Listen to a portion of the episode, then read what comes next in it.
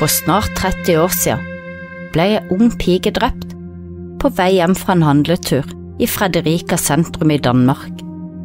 Men hvem drepte Susann Hansen?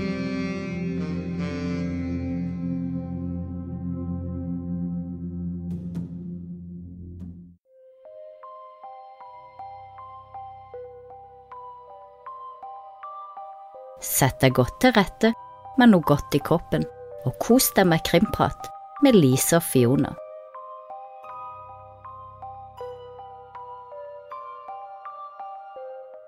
Velkommen tilbake til Krimprat med Lise og Fiona. Hei, Fiona. Hei, Lise. Da var vi tilbake igjen. Hva har du i kroppen? Nei, hva har du i kropp, koppen som skal i kroppen? Vært flink og ikke tatt julebrus i koppen min. Nå skal jeg være flink og spare meg til kanskje helt til desember. Kanskje. Har du spist pinnekjøtt? Nei, det har jeg ikke. Ikke ennå. Men jeg har ribbe på julaften, så Ah, jeg spiser pinnekjøtt. Ja, gjerne lenge før julaften, men det gjør ikke min mann. Han spiser det utelukkende på julaften og kan ikke ha pinnekjøtt før julaften. nei. Det er litt sånn krise. Ja. Ja, hva har du putta i koppen, da? Men i dag har jeg bare eh, Pepsi Maxi i koppen. Pepsi Max. Ja. Det er liksom brusa jeg drikker utenom julebrus, etter at jeg tvang meg sjøl til å begynne å like Pepsi Maxi for eh, ja, halvannet, to år siden, tror jeg. Og det klarte jeg. Og nå drikker jeg bare Pepsi Maxi. Jeg har aldri drukket sukkerfri brus. Det var litt hardnakka påstå det, men jeg har aldri smakt var Pepsi Max.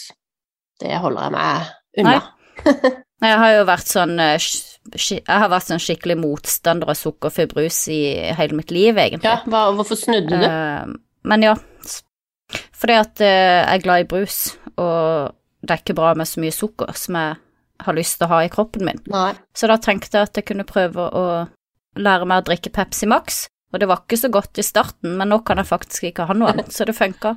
Så nå kan jeg drikke brus med sukkerfri, og så kan jeg ha sukker i min cappuccino heller. Jeg tror man kan bli avhengig, kan man ikke det?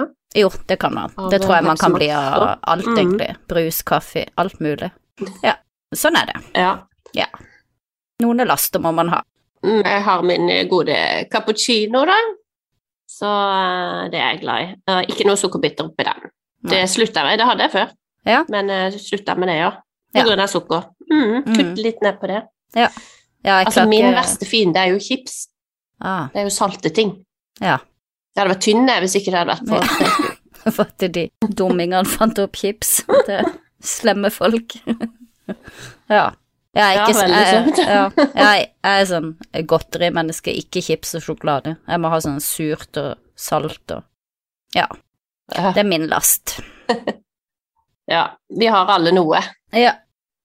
Men eh, i dag er det jo en, en liten warning på denne episoden siden det omhandler barn. Mm. Eh, de er jo tøffere, noen saker er jo tøffere enn andre, Ja. vil jeg si. Og når det er barn inne i bildet, så er det litt ja, ekstra vondt. Det er det. Det er alltid ekstra, ekstra Mm. tragisk. Og i dag så skal vi jo til en sak eh, i Danmark, en eh, 30 år gammel sak faktisk, som ennå er uløst, eh, om drapet på ei lita jente som heter Susan Hansen.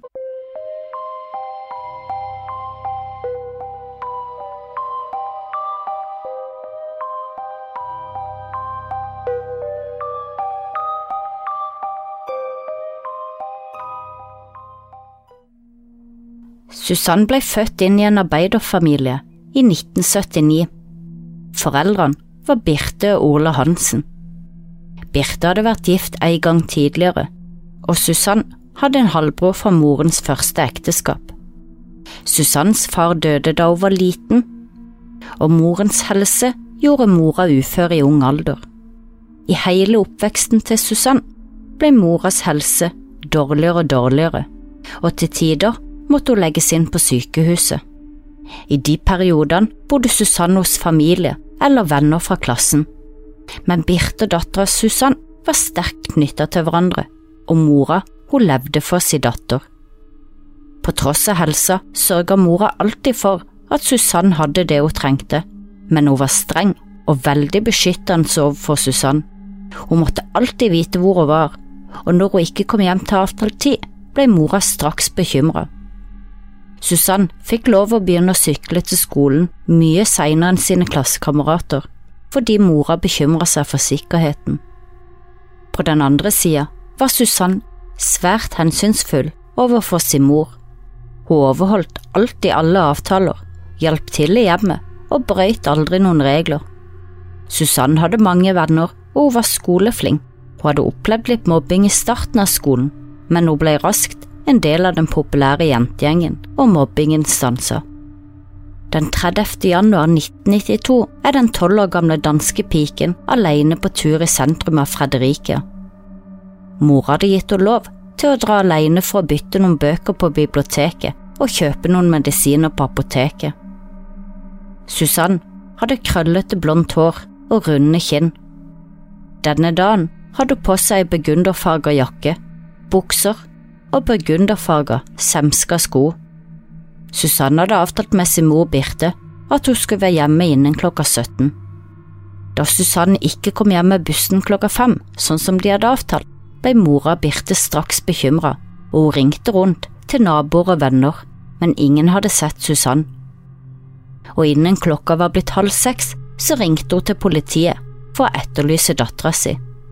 Det er uklart om politiet gikk i gang med en umiddelbar leteaksjon, eller om de avventa situasjonen til det hadde gått noe mer tid. Tidlig om morgenen neste dag, 31. januar, så sykler en 13 år gammel gutt til skolen da han plutselig ser et menneske som ligger i grøftekanten. Klokka er rundt kvart på åtte om morgenen, og gutten skjønner at noe alvorlig har skjedd, så han sykler alt han kan hjem igjen til foreldrene sine, som straks kontakter politiet.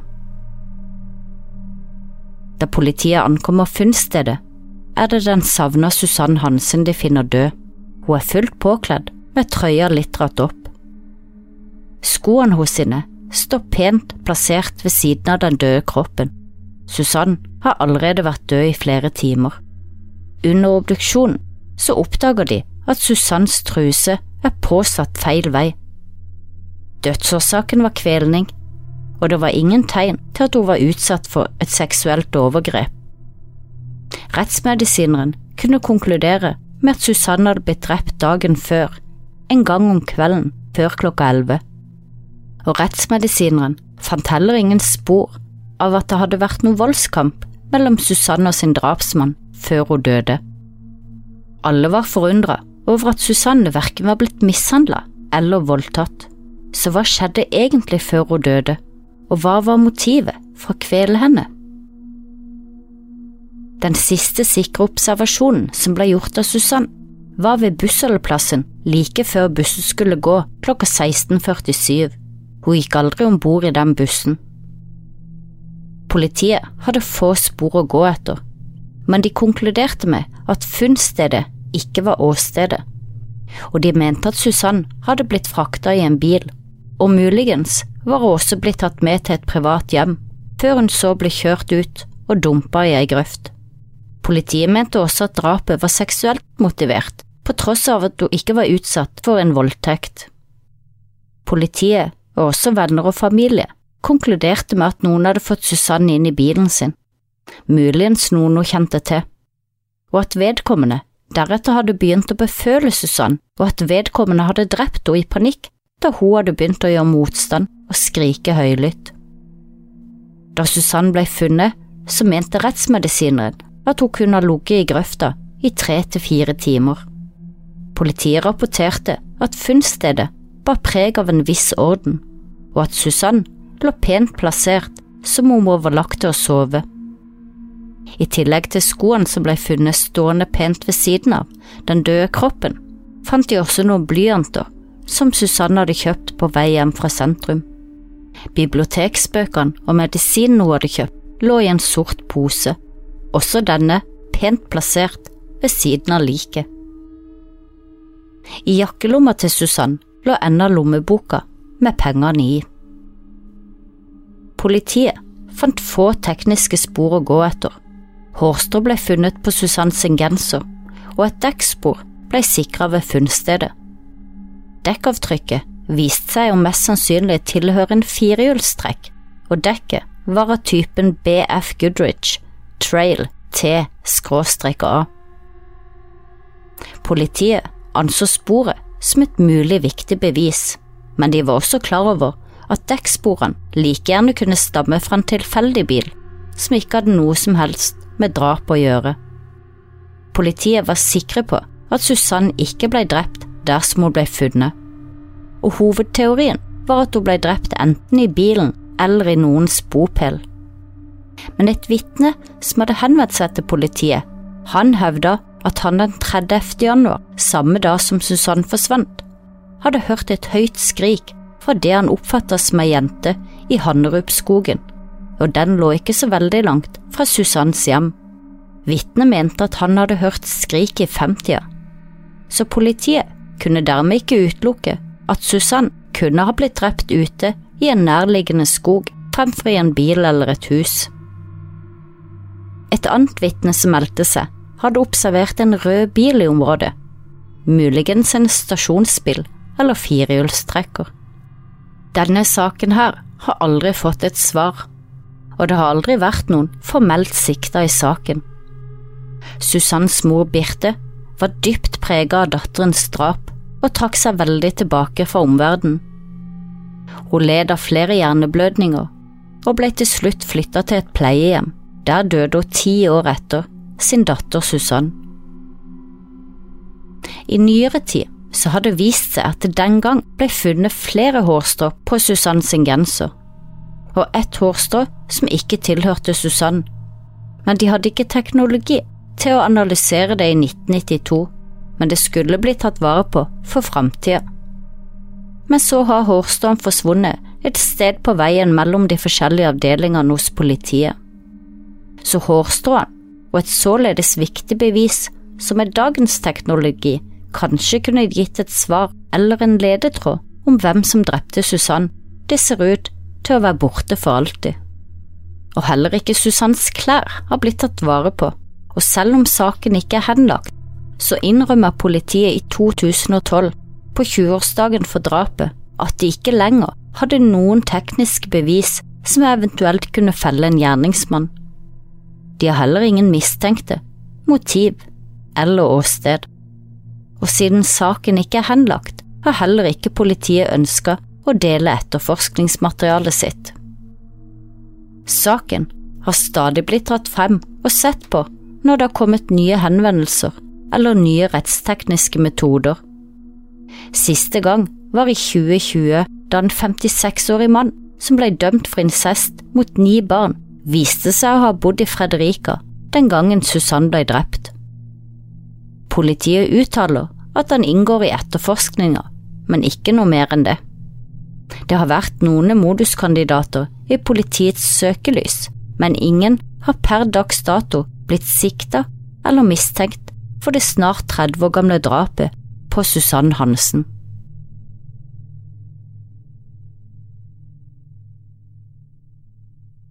Ja, det var saken om uh, Susan Hansen.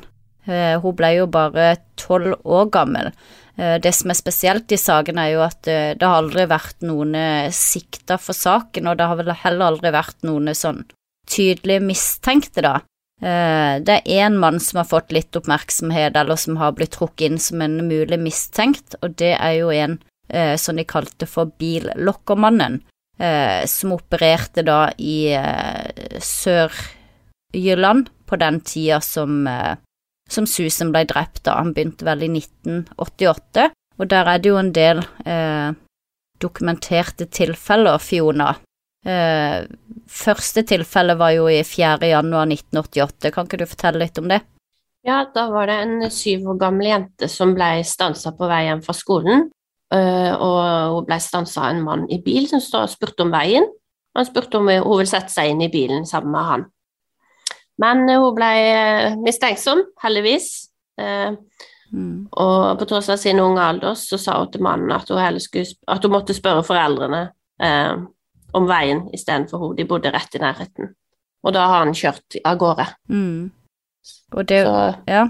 men jeg husker, Lise, at på den tida der, Mm. når jeg var liten sjøl, på 80-tallet, Mm. så var det mye sånn snakk om menn i biler som bare kjørte seint ved siden av der, så spurte de, lokka de deg inn i bilen med godteri eller valper eller hva det skal være. Mm. Vi var veldig redd for det, Det husker jeg også, faktisk. for det hadde vært andre saker òg i Norge. Um, Du hadde jo Therese-saken og Marianne-saken. det var liksom typisk og... på den tida. Ja, ja, det var det. Jeg husker mm. eh, når jeg også var ung, så tror jeg det var et tilfelle i Vennesla. Jeg lurer på om det var en rød Volvo, eh, hvor hun hadde forsøkt å dra ei jente Ja. inn i bilen, men hun, hun klarte å komme seg løs, da. Men jeg lurer på om hun smekka fingrene i, i døra, da, men hun kom seg løs. Men ja, jeg husker at det var det, var det i, i den tida, 80-90-tallet. Eh, Mm. vi løp jo ofte og gjemte oss på kveldene hvis vi var ute og gikk, og det kom en bil kjørende, så hoppa vi ned bak uh, fenderet langs Ja. veien, da, bare for uh, Better safe than sorry. Oh. Ja. så skremt var Ja, vi. ja, ja. Mm. Men denne herre barnedokken han derre lokkemannen, han eh, mm. Ja, han stopper jo ei jente seinere på dagen òg, Mm. en ti år gammel jente, og skal lure henne inn i bilen, og skal vite Han sier 'kan du vise meg veien til sykehuset'? Mm. Eh, og så kjørte mannen jenta ut til en eh, granplantasje på et øde sted, Mm. og prøver å tvinge jenta til å ta av seg buksene. Men da gjorde hun veldig motstand, og da måtte han stoppe, og så kjørte han henne faktisk hjem. Mm. Eh, og da hadde han jo lova henne penger da, de, for at hun skulle holde kjeft om dette her. Mm.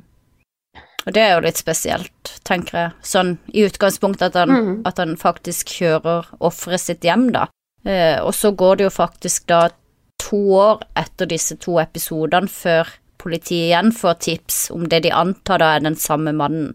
Eh, og da er det jo to jenter på ni og ti år som har blitt kontakta av en mann når de sitter i parken, da, de sitter på plenen og ja, prater. Eh, beskrivelsen som de gir av den mannen ligner jo veldig på det de andre jentene hadde beskrevet to år tidligere. Eh, De jentene i parken hadde blitt redd for mannen og nekta å bli med når han spurte, så han hadde jo til slutt gått videre, da. Eh, og så Mm. er det jo da en periode det samme året, dette er vi jo i 1990. Eh, I tillegg til de to jentene i parken, så stanser han også ei annen jente på ti år, eh, som står på et busstopp og prøver å lure henne inn i bilen. Og hun blir med inn i bilen, eh, og så kjører han henne til skogen, da. Eh, og jenta forteller at da de kom fram, så hadde han begynt å ta på henne. Eh, og mens han gjorde det, for jenta hadde begynt å grine, da, eh, så vi vet ikke om han gjorde det for å prøve å berolige henne, men da fortalte han om seg sjøl, da, at han bodde i Frederikia, at han arbeida på et fritidshjem, at han var far til tre barn, og at de ungene på Den dagen var de på ferie i Skagen, da. Og så hadde han ikke gjort noe mer da enn å ta på henne, og så hadde han kjørt henne tilbake der som han hadde plukka henne opp. Så hun kom jo også på en måte trygt hjem, da, eh, etter det skjedde. Men det er jo veldig spesielt. Ja, det er jo det. Uh... Det er, det er jo en spesiell fyr, og han liksom Det skal ikke være så mye motstand før han bare gir opp, på en måte. nei, Han tvinger seg jo ikke på de, og han virker jo eh, ikke virker det som. Nei, og virker jo ikke som han er så redd for å bli gjenkjent egentlig heller, tenker jeg. Han gjør jo ikke noe for å skjule fjeset sitt eller etter noe, eller Mm. noen sånne ting, da. Eh, og så er det jo flere tilfeller også, dette var jo ikke de siste. Hva er det neste, Fiona? Nei, det er vel ett år etter, det blir vel i 91 da, så dukker han opp igjen og Mm. tar kontakt med en 11 år gammel jente i Haderslev. Um, og, det, og en 14 år gammel jente i den samme byen han Mm. bor i, Fredrika. Fredrika. Ja. Um, men ingen av jentene blir med i bilen hans, så da gir han opp. Men han Mm. prøvde, da. Og Så em, det er vel enda flere hendelser med han, da. Ja, så går det jo nesten et år 92, til, i april 92, ja. Og da er vi jo tre måneder etter at Susan har blitt funnet drept. Eh, Da spør han ei jente om veien til sykehuset, eh, og inviterer henne med inn i bilen. Eh, Men hun jenta, eh, ja, hun kom seg unna da, hun ble ikke med i bilen. Eh, Og fire måneder etter det igjen, så forsøker han igjen å lokke med seg ei ti år gammel jente inn i bilen sin. Eh, og da utgir han seg for å være en venn av mora hos i da. Og han fikk jenta inn i bilen, eh, og så forsøkte han å få henne til å legge seg ned i baksetet da. Og da skjønte jo jenta at det var noe galt, så hun ble redd, men hun klarte da til slutt å, å komme seg ut av bilen og stikke av. Og så er det bare tre måneder igjen etter den episoden, så er det en lignende eh, ting som skjer igjen. Eh, den jenta ble ikke med i bilen, og en måned etter det igjen, da vi kom til desember 92, eh, så forsøker han nok en gang da å få med seg jente i bilen, og dette er jo da Eh, den siste innrapporterte hendelsen, og om det som da ble kalt for barnelokkemannen. Etter det så har det ikke vært eh, noen flere rapporterte hendelser, i hvert fall. Men med så mange vitner, så klarer de ikke å få tak i han. Det ja. er jo helt horribelt. Uh, eh, ja, det er jo det. De kan jo ha De kunne jo lagd masse tegninger. Ble de laga tegninger av han? Eh, det ble laga én tegning. Det var ei som skrev ei bok om eh, om saken for noen år. Eh, da lagde de en polititegning, og mannen ble beskrevet til å være rundt 1,75 eh, høy, eh, ca. 40 år, eh, kort, glatt hår og så eh, overskjegg, sto det på dansk, så da ble jeg litt usikker på om det er bart på norsk, eller Bart. Ja, siden, det er nok bart. Ja, siden det heter overskjegg og ikke underskjegg. Ja, i hvert fall noe hår i trynet, da. Eh, men så er det jo ja. ja. Overskegg, ja, det må jo være bart. Eh, men så er det jo sånn at Ja, men en brannmann eh, skal jo ha gjort en observasjon av det de mener er denne barnelokkemannen, da, eh, allerede i 1988. Eh, på et av de første tilfellene der han forsøkte å lokke med seg jente inn i bilen. Eh, denne brannmannen hadde jo trodd mm. at det var jentas far, så han hadde, han hadde jo ikke grepet inn da men han hadde lagt merke til bilen som denne mannen kjørte, eh, og det mm. skulle være en sånn sjelden eh, Mitsubishi Nei, Mitsubishi, faktisk. Mitsubishi. ja, Mitsubishi med biler. Mitsubishi eh, Pajero Canvas. Elendig på biler. ja, det er en litt sånn ja, firehjulstrekk, litt stor bil. Eh, og den Og så var det jo sånn at der de fant Susan, eller Susann Hansen, jeg sier Susan, men det er sikkert Susann, egentlig. Eh, der fant de disse hjulsporene da, som de mente tilhørte en lignende biltype som den eh, brannmannen har sett, da. Eh, noen av de jentene som eh, ble lokka inn i bilen, de sa til han mannen hilste på dem med å si ordet moin, morgen eller moin eller ja. Eh, moin? Er det moin, dansk? Ja. Moin, ja. Det, politiet Moin. snakker om at det kunne vært tysk. Jeg tenker det kan like gjerne ha vært morgen eller moin, ja. Det kan være norsk. Moin, moin. Ja, det kan jo det. Eh, jeg har ikke hørt det på dansk, i hvert fall. Nei, moin. så de var inne på om det var Kanskje noen av lytterne vet. Jyllandsk dialekt eller tysk dialekt eller ja. Moin, moin. Men, Nei, men denne, det er jo moin. ikke dansk. Nei, jeg følte heller ikke at det var så dansk, men uh, ja. Skrives det M-O-J-N? M-O-J-N, ja. Wow. og politiet har jo aldri funnet ut hvem denne mannen var, da, som, eh, som prøvde å lokke alle disse jentene, da. Og så har det jo vært Er det han som har eh, drept eh, Susann Hansen, da?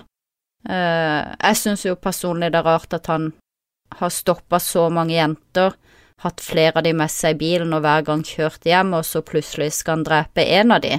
Det blir jo litt sånn Passer ikke helt eh, profilen, syns jeg. Vet ikke hva du tenker om det? Nei, det kan jo være at det, det har skjedd noe, da. At det har ikke vært med meningen, på en måte. Og derfor så la hun noe så fint som det skulle se ut som hun sov, og alt. Mm. Eh, liksom ryddig og pent. Skoene sto ved siden av, var det ikke det?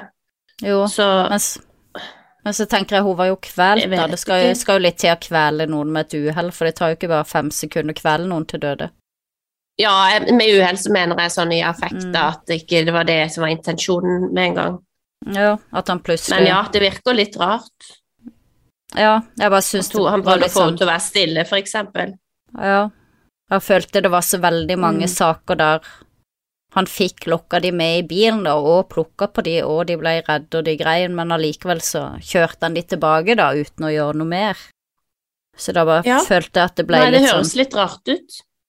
Uh, og så må jeg jo innrømme at når jeg leste om saken, uh, det var jo også før jeg så bilder av Susan eh, Hansen, da, hun var jo tolv år, eh, så fikk jeg Følte jeg det var litt sånn likhetstrekk med Birgitte Tengs-saken.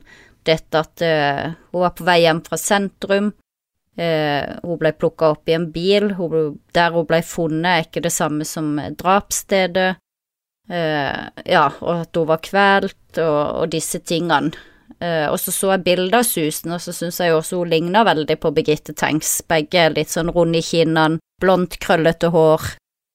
Ja, og skilte seg litt ut fra folkemengden, da, i klesstil og, og sånne ting. Ja. Ja. Og tidsaspektet kan jo Ja, dette var jo i 92. Birgitte Tengs ble jo drept i 95. Uh, ja, så hvem vet, jeg følte, følte jeg i hvert fall at det var Du tenker at det kunne vært samme gjerningsmann, på en måte?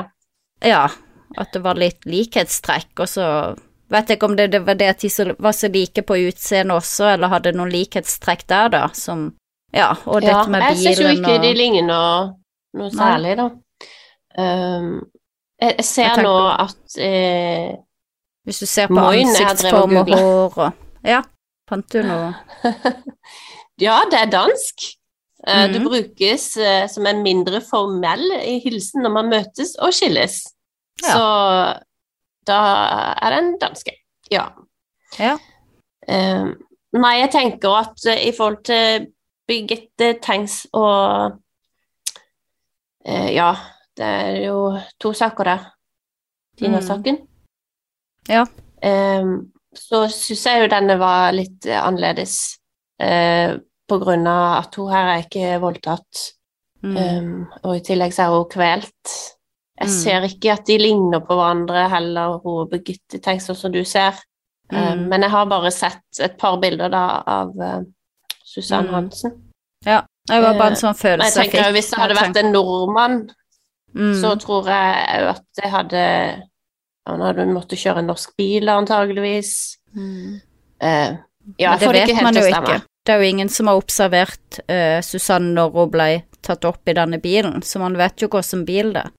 Hvis man ser bort ifra at men det- eh, Hvis ikke det er barnelokkermann, da, så, så har man jo ingenting å gå etter. Det er ingen som har sett Susan Nei. forsvinne eller bli plukka opp eller noen ting. For, eh, Enten at hun ble sett så ved busstoppet, og så har det At ikke de har det håret. Det er tragisk. Ja, for det er jo det største problemet. Selv om de skulle få en kandidat i dag, da, så, så har de jo verken dette hårstrået eller klærne eller De har jo ingen tekniske bevis, faktisk. Sånn at i denne saken så tenker jeg at den eneste måten å få oppklart den på, er jo at noen faktisk eh, står fram og innrømmer det. For de har jo ingen tekniske Mm. bevis igjen. Og det er jo veldig tragisk. Eh, Og det er helt på trynet at mange gamle saker så har de ikke De har kasta beviser. mm, Fordi at det er ingenting som sier i loven at du skal holde på det. Og det Nei. håper jeg blir en endring på. At de faktisk Mm. må ta vare på eh, alt i evig tid. ja, det trodde jeg jo faktisk det var. Ja, men de Nei, skulle jo gjøre det i at- At ikke de må det. Ja. Jeg mener på at ikke det er blitt For i, i. Susan-saken så skulle de jo ta vare på det, Ja. ikke sant? Det var jo ikke det at de kasta det, det forsvant mens det ble sendt imellom avdelingene. ja. Dette hårstrået, det. DNA-bevisene. Klærne ble kasta, men eh, selve DNA-et ble jo Ja, det bare forsvant, Mm. liksom. Og det burde jo ikke kunne skje, det heller. Nei. At, at bevis bare skal forsvinne i postgangen. Jeg tror jo de er flinkere på å ta vare på bevis nå, da, um, enn det de var før. Ja, det håper jeg jo. Ja. At det, det er jo Ja. Det er jo forskjellige ting, sånn som avhørsteknikk og ulike ting som eh, Mm. eh, Det er andre metoder nå. Eh, det er litt sånn som barne, Det er det, det arbeidsmetodene er jo Nå er det ikke liksom innafor Mm, å klapse ungene på handa lenger, eller rise de på fua når de har gjort noe galt. Liksom, det er alltid en utvikling på hvordan man eh, gjør ting, da. mm, Ja. gjør ting. Det er det. Og det er det jo klart hos politiet òg, men jeg tror nok før også at det var, det var meninga at de skulle ta vare på ting, men så ja, forsvant det eller ble ikke tatt vare på lenge nok. Og i, i gamle saker så er man jo Kanskje det man er aller mest avhengig av, er jo nettopp de tekniske bevisene. Mm. Ikke men sant, for å klare å, av eh, løse en sak. saker som blir forelda, har de ikke også Mm. gått bort ifra det nå, at uh, nå er det ikke noe som heter det? Jo, det? i Norge så mener jeg at de har gjort det nå, ganske nylig, gått mm. vekk fra den foreldelsesfristen, men i Danmark så tror jeg ikke det har vært eh, en regel de har hatt. I hvert fall har denne saken her med Susan vært eh, åpen, og den er ennå under etterforskning. Det er ikke en Ja. cold case engang, altså den, eh, eh, den er ikke lukka, og den er ikke forelda. Eh, ja, og derfor får man jo også ut mindre informasjon, fordi at saken ennå ja, er på en måte under etterforskning, selv om de ikke jobber med den. Men med en gang de får inn noen tips eller andre ting, så ja, så vil de jo sjekke opp og, og etterforske det, da. Men det kan Så også den er ikke lukka i Danmark. Det kan også være et problem med sånne åpne saker, da. At, uh, at rett og slett bare de er åpne, og så skjer det ikke noe. Og da kan det også være vanskelig å få tilgang på Mm. papirer og informasjon om saken når, så lenge den er åpen. Men med en gang det blir gjort til en cold case, da, Mm. så får man mer informasjon, det er mer tilgjengelig, og av og til så går jo politiet og tar, gjenopptar cold case, og da begynner å leite ordentlig på nytt. Mm. Så det, det er ikke nødvendigvis bra at en sak er åpen i så mange år. Nei, nei, det er jo ikke det, for det, av og til så trenger man kanskje publikums hjelp også. Eh, ikke minst jo, jo flere hoder som tenker, jo bedre, og kanskje noen har tips eller ja, ting de ville kommet fram med da, hvis de visste mer om saken, eller Mm. Og hvis det var en eh, person som ikke er fra f.eks. Danmark, da, så, så kan man jo begynne Mm. å pusle. La oss si at en person har tilstått eh, andre drap i et annet land, og så får man rede på at den personen befant seg faktisk i Danmark på den tida. Så kan man jo faktisk trekke noen tråder der Mm. og eh, muligens få den personen til å Mm. tilstå flere drap. Det er jo et håp man har, da. Ja. Det er jo det man, man har, holdt jeg på å si. Mm. Og ja, nei, det er jo en tragisk, tragisk sak, og de familiemedlemmene hun har igjen, de håper jo selvfølgelig at, eh, at de en dag skal finne ut hva som skjedde med henne, og hvem som tok, tok livet av Mm. Susanne, da.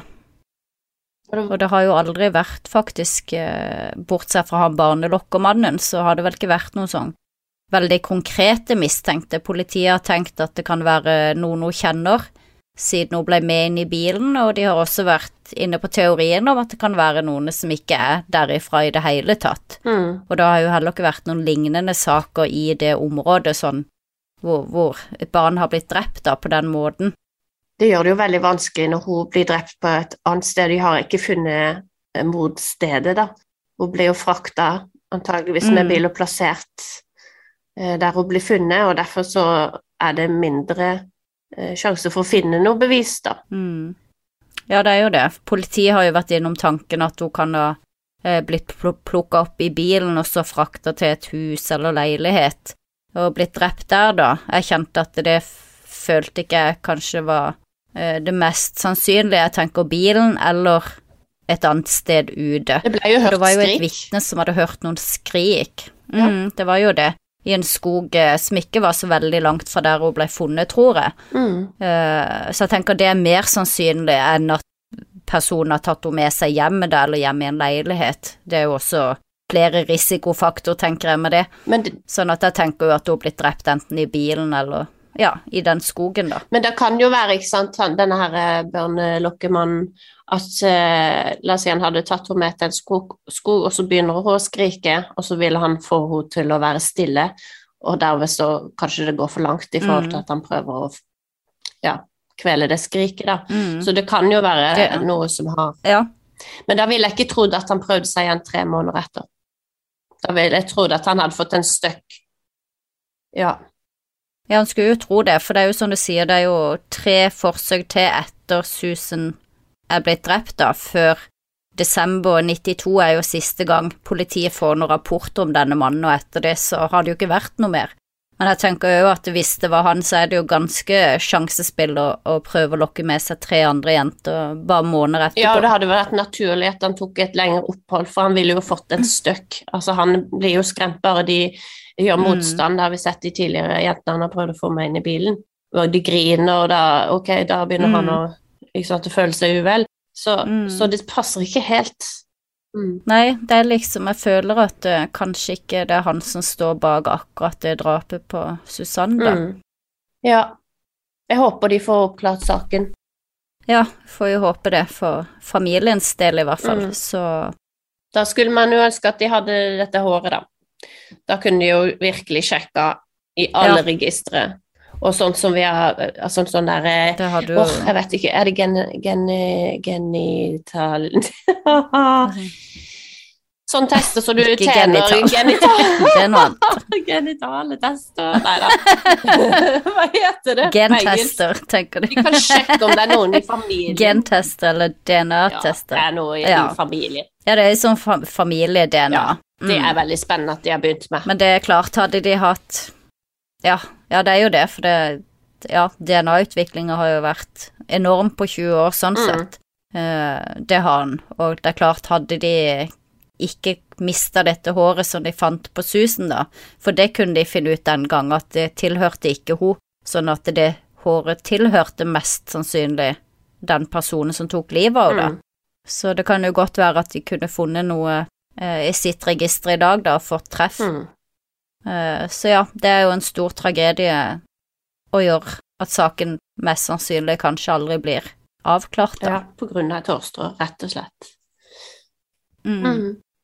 Ja, men det tenker jeg var alt vi rakk for i dag. Dette var jo historien om Susann Hansen.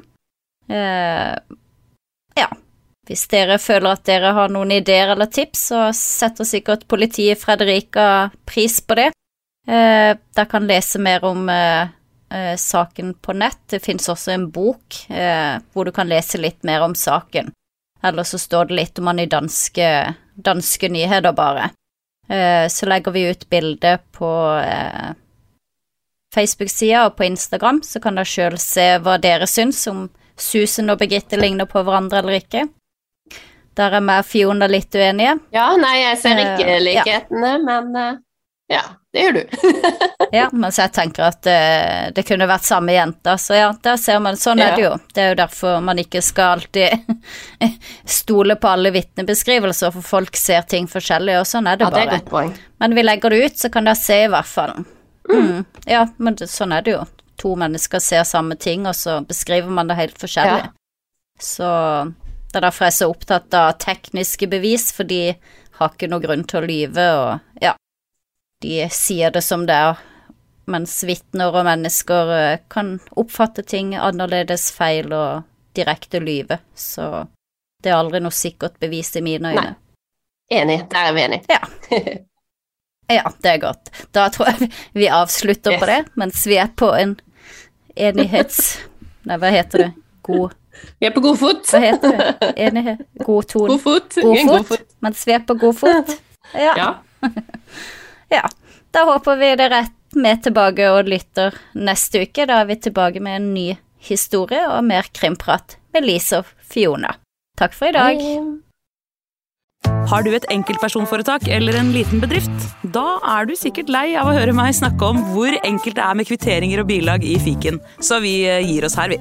Fordi vi liker enkelt. Fiken superenkelt regnskap.